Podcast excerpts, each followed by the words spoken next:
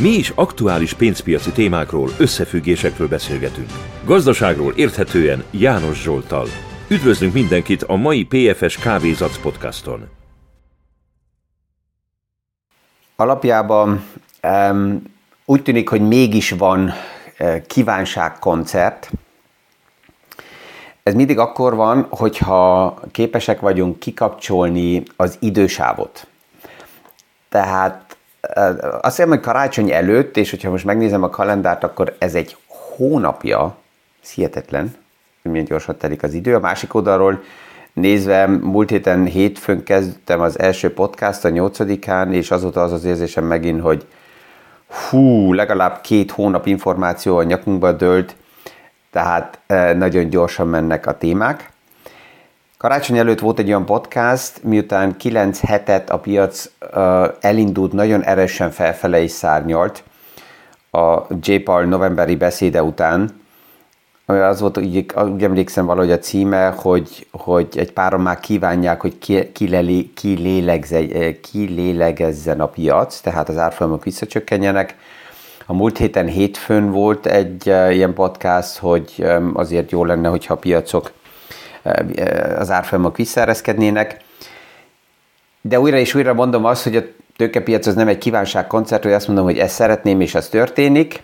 Ha ezt az idő sávot, hogy akkor most azonnal történjen meg kívánságom, ez nekem ki tudjuk kapcsolni, akkor mégis látható, hogy vannak uh, rendszerek a piacba, ami oda vezet, hogy árfolyamok uh, visszacsökkennek, szezonálisan az első negyed év főleg Amerikában, amikor választási év van, az, az gyenge, tehát ha gyenge, akkor azt jelenti, hogy az árfolyamok persze, hogy kell visszacsökkenjenek, ahhoz, hogy csökkenjenek, negatív hírek kell megjelenjenek a piacba, szezonálisan is az első negyed év ilyen években gyenge és, és ezt azért veszem így kézbe, mert ahogy megjelennek gyengébb árfolyamok, akkor egyből már jönnek a rémhírek, hogy ú, és akkor most ennek mindennek vége, és most megint más az egész. Um, de hát a, a templomot a faluba kell hagyni, 9 hét nagyon erős rally után egészen normális, hogy szükséges, hogy a piacok egy kicsit megnyugodjanak, és az árfolyamok vissza uh, korrigáljanak egy ilyen probléma koktél előtt áll a piac, mert most mindegy, hogy mit vesz kézbe, akkor egyből ebben lehet látni, hogy akkor az miért nem annyira jó. Múlt héten pénteken elindultak a negyed éves jelentések, és ezeknek egy része nem annyira dinamikus, mint ami a piac ezt szeretné. Kínából a kifszivárgó dátok, adatok tovább is problémákat mutatnak. A brit infláció szám is megjelent, ami hasonlóan, mint az amerikai és az európai összinfláció erősödött decemberbe, emelkedett újra. A központi bankárok egymás után megjelennek, amilyen lehetőség van, eh, ahol csak lehet mindenütt, és körülbelül ugyanazt az üzenetet adják a piacnak, tehát megvan ez a, ez a koktél, megvan ez a rengeteg téma. Mielőtt egyenként egy kicsit kézbe veszem ezeket a problémákat, ami aktuálisan foglalkoztatja a piacot, és oda vezet, hogy hosszú távú portfóliókban persze, hogy a visszacsökkenő árfolyamok azok bevásárló árak, amit lehet használni, hogyha megvan ehhez mindig a stratégia. De mielőtt ezt kézbe veszem, saját témát szeretnék ma beépíteni, nem a podcast végén, hanem elején. A múlt héten a Spotify a, a podcast magától az algoritmusok kidobták megint és ajánlották a Spotify hallgatóknak, hogy a Kávézat Podcast bizonyos szemszögebből érdekes téma lehet. És alapjában ugye ezt, ezt sokszor elmondom, hogy a podcastokat lehet, hogy magamnak is csinálom, tehát így a napi meditációként összefoglalni a témákat, de ha már megcsinálom és kiteszem a kirakatba, és valaki rendszeresen hallgatja a podcastot, akkor egy nagyon pici, egyszerű lépéssel az algoritmusokat lehet arra motiválni, hogy néha gyakrabban dobják így előtérbe a podcastot, ha csak egy örök hallgató is minden um, uh, podcast um, kiadás után csak a lájkot megnyomja, ez a hüvelykúj felfele általában a legtöbb jelnél, az már egy egyszerű téma, és ezt um, gondolom, hogy nem olyan nehéz megtenni. Egy másik, ez már, ez már lehet, hogy több munka, az lenne, hogy megosztani a podcastot. Tehát, hogyha az az érzése egy hallgatónak, hogy oké, okay, ez egy ilyen horizontágító lehetne valakinek, akkor akár ezt tovább lehet küldeni. Ez is csak egy pici jel, ott a legtöbb podcast csatornánál ezt megnyomni egy címet és kész. A harmadik az már lehet, hogy munka, mert az a kommentár. Tehát, hogyha valaki kommentálja is a podcastokat, akkor ez is az algoritmusokat egy kicsit arra motiválja, hogy előbbre tegyék a podcastot. Ez lehet csak egyszerűen egy, egy visszajelzés, lehet egy mosoly, lehet egy, akár egy panasz is, lehet egy kritika is, lehet egy kérdés is. Tehát ezzel így még interaktívabbá tud válni az egész. Ennyit csak így gondoltam, hogy beépítek, mert aki, azok is, akik rendszeresen hallgatják a podcastot, sokszor azt hiszik, hogy oké, okay, azzal, hogy hallgatom és megvan az abó harang megnyomva, az elég. Az algoritmusoknak nem, tehát néha a like az az, ami, ami esetleg segíteni tud még, még, még, még jobban terjeszteni. Menjünk vissza Kínához. Kína nagyon érdekes, mert a második kísérletben van ugye Kína benne. Az első a Covid kezelése volt. Itt az első sorból, mint a moziba láthattuk, hogy milyen a kihatása a gazdaságra, hogyha nem azokkal a modellekkel kezeli a Covid helyzetet Kína, mint, mint a fejlettebb világ, ahol már hasonló helyzetekre voltak modellek, tehát nem volt anyagi támogatás, a lockdown nagyon hosszú volt, az embereket nagyon sokáig bezárták, és erről már akkor is beszélgettünk, hogy ennek egy hátránya lesz, hogyha nagyon sokáig be vannak zárva az emberek, akkor hozzaszoknak egy olyan életmodellhez, amit azután nem fognak olyan hamar újra feladni, leszoknak akár egy olyan életmodellről, ami a Covid előtt volt, és a gazdaságnak nagyon fontos, és ez a fogyasztás, ez a fogyasztónak a viselkedése, és ha ilyen stimuló, stimuláció csomagok, anyagi hátterek nem, nem voltak annyira bedobva Kínába, mint Nyugat-Európába vagy az amerikai piacokba, az akkor ez likviditás hiányzik a fogyasztóknak, és hát látjuk azt, hogy a defláció hatása nagyon erősen egyre mélyebben és mélyebben beleássa magát a kínai gazdaságba.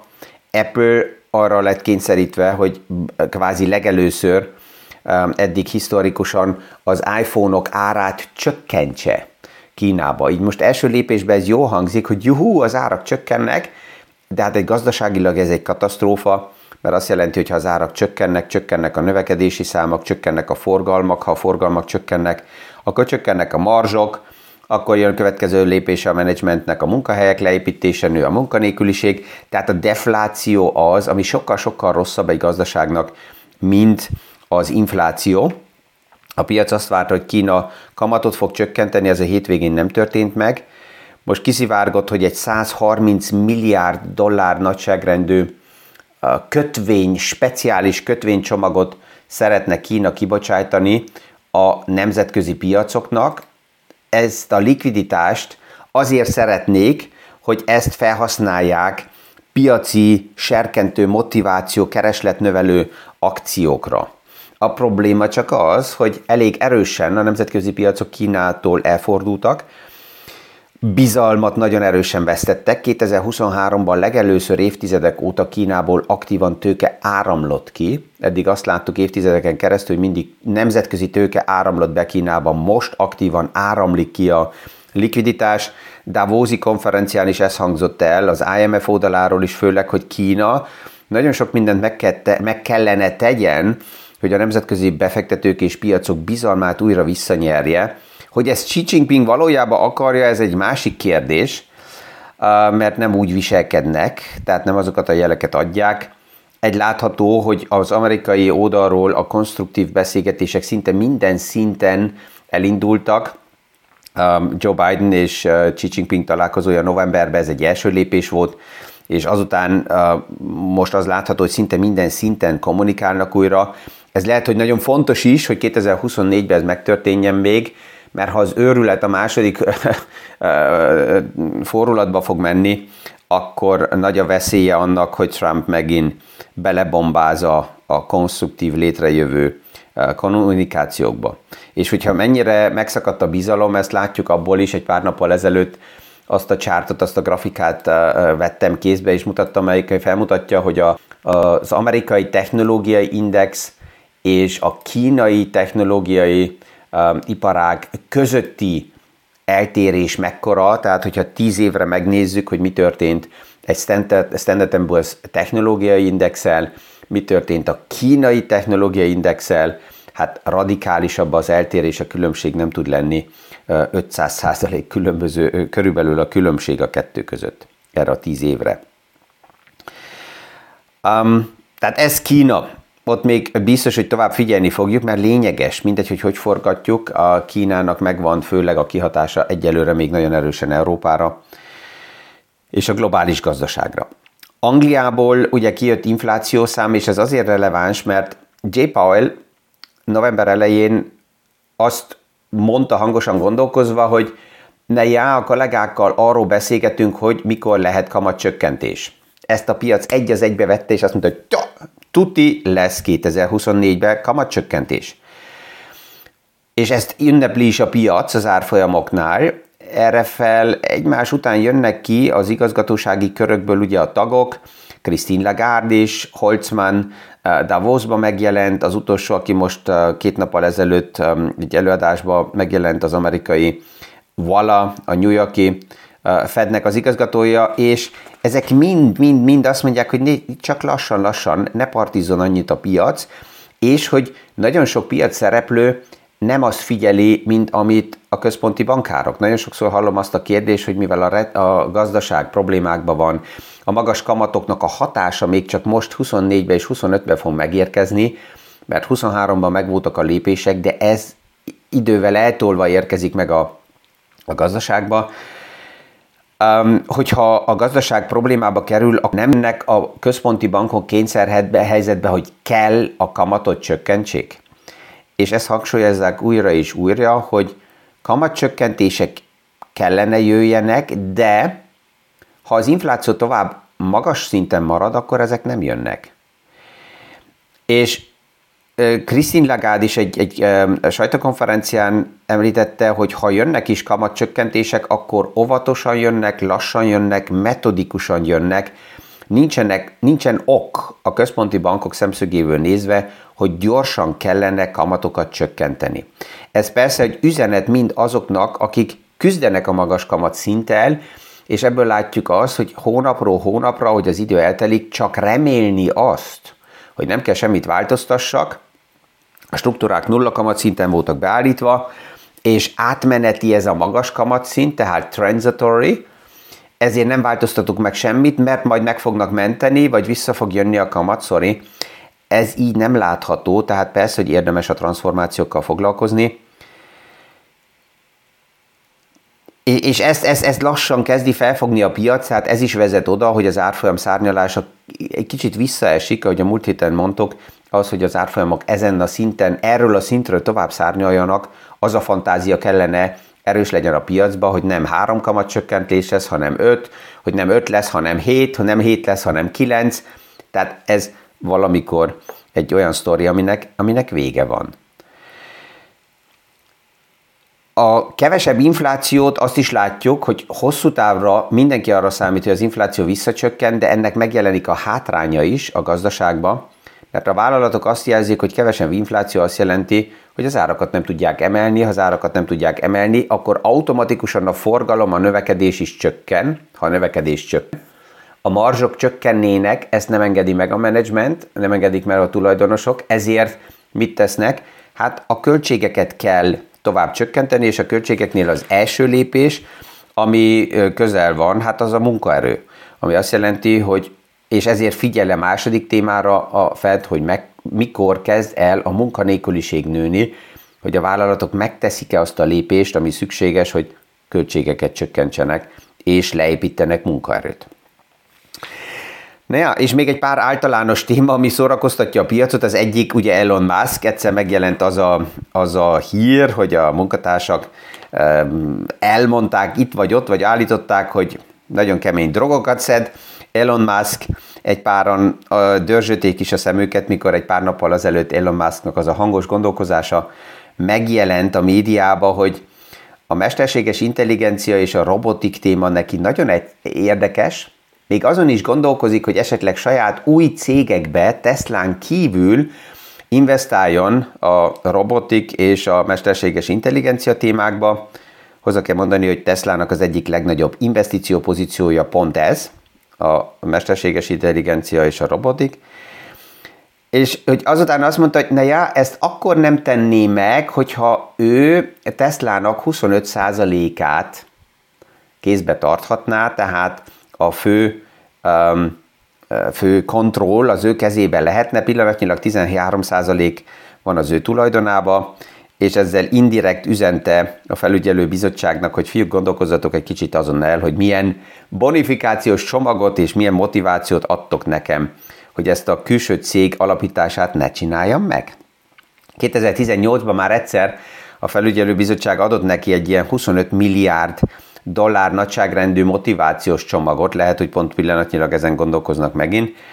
Tehát ez, ez, ez újra és újra vicces. Mikor erről megjelenik, akkor ki lehet kapcsolni minden kabarét, mert valami mindig jön, amivel ő így borog, felborítja a, a, az úgynevezett kvázi normális témákat. A másik, ami foglalkoztatja a piacot, az Boeing, ugye a kiesett ajtó és az alkatrészek témája.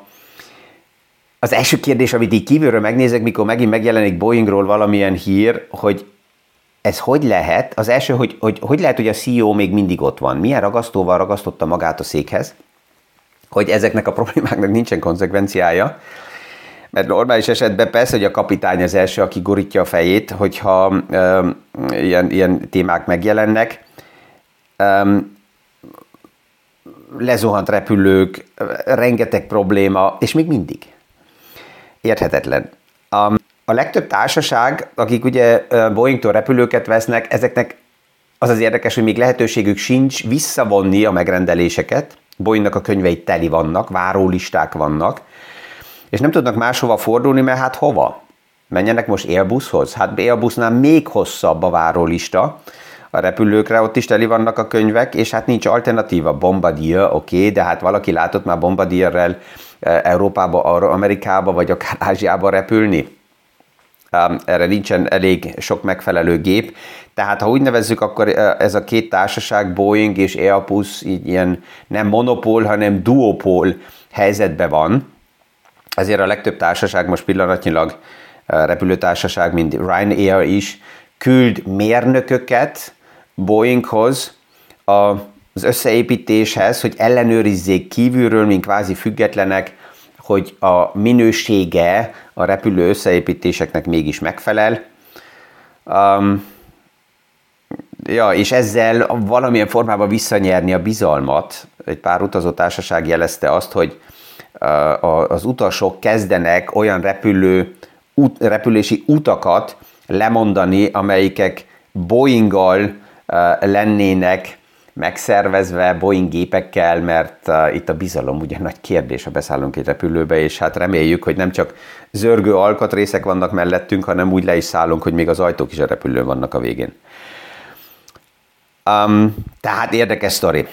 A, ami, ami meg fogja tudni megint fordítani a hangulatot a piacokba, az egy nagyon egyszerű dolog lesz, ilyen körülbelül két hét múlva lejár az úgynevezett blackout periód, tehát lejár az az időszak, amikor a vállalatok a saját részvényeket újra, tehát most nem szabad visszavásárolják, kibelőbb itt múlva újra el tudják kezdeni visszavásárolni a saját részvényeket, és ez főleg az amerikai piacban azért lényeges, mert a legnagyobb napi részvényforgalom, ez még mindig a vállalatok saját részvényének a kereskedéseiből jön létre, és az alatt az idő alatt, amikor negyedéves jelentések vannak, ezt uh, megállítják, tehát nincsenek saját részvények visszavásárlásai, de körülbelül két hét múlva ez újra el fog indulni. Tehát, hogyha valaki ezekkel a szezonális témákkal is foglalkozik, és nem csak azt nézi, hogy akkor most milyen hírek uh, interpretálhatóak arra, hogy az árfolyamok miért mennek egyik vagy másik irányba, akkor ebből lehet látni, hogy már a következő lépés, a next step mi lesz a piacokba és hova fog, fognak fordulni egy szemszögből a menetek. De hát ugye ezt látjuk, hogy nem csak egy paraméter irányítja az árfolyamokat, hanem rengeteg hatás van, ami mindennapi szinten oda vezet, hogy árképzések legyenek. Ja, apropó árképzések, Kínának még van egy érdekes sztoria, a kormány jelezte azt nagy intézményi befektetőknek, hogy most már fejezzék be a kínai részvény eladásait, mert a kormány azon gondolkozik, hogy egy stabilizáció programot szeretne bevezetni. Tehát kvázi azt jelezte, hogy ne adjátok el. Ezt egy ideig lehet esetleg tartani, de hát ugye a piac az hangulatból, érzésből, bizalomból vesz vagy ad el, és ha elindul egy eladási hullám, akkor ezt nagyon-nagyon drága megállítani, egy ideig esetleg fel lehet függeszteni, de örökre csak a bizalom visszanyerésével lehet ezt megnyerni, erre idő kell. És a kérdés az, hogy az idő alatt mit tesznek a, a szabályzók. Na ja, ebből látjuk, hogy tovább sem almas piac, szórakozunk tovább. Hónap reggel um, összefoglaljuk esetleg egy egészen más szemszögből a piacoknak az aktuális alakulását, fejlődését. Nagyon jó kérdések érkeztek a jövő heti PFS diványbeszélgetésre, ahol um, Ildikóval uh, direkt, direkt beszélgetni fogunk, tehát nem csak online, hanem face-to-face. Um, egy kicsit megbeszéljük az aktuális kérdéseket és a válasz lehetőségeket. Akinek még kedve van erre jelentkezni, nyugodtan a PFS csatornán keresztül, és akkor a, a felvétel közben ott lehet uh, Zoom csatornán keresztül lenni, és akár direkt is még kérdéseket feltenni. Kellemes napot kívánok mindenkinek, és a visszahallásra a hónap reggeli PFS Kávézac podcastig. Mi is aktuális pénzpiaci témákról, összefüggésekről beszélgetünk. Gazdaságról érthetően János Zsoltal. Üdvözlünk mindenkit a mai PFS Kávézac podcaston!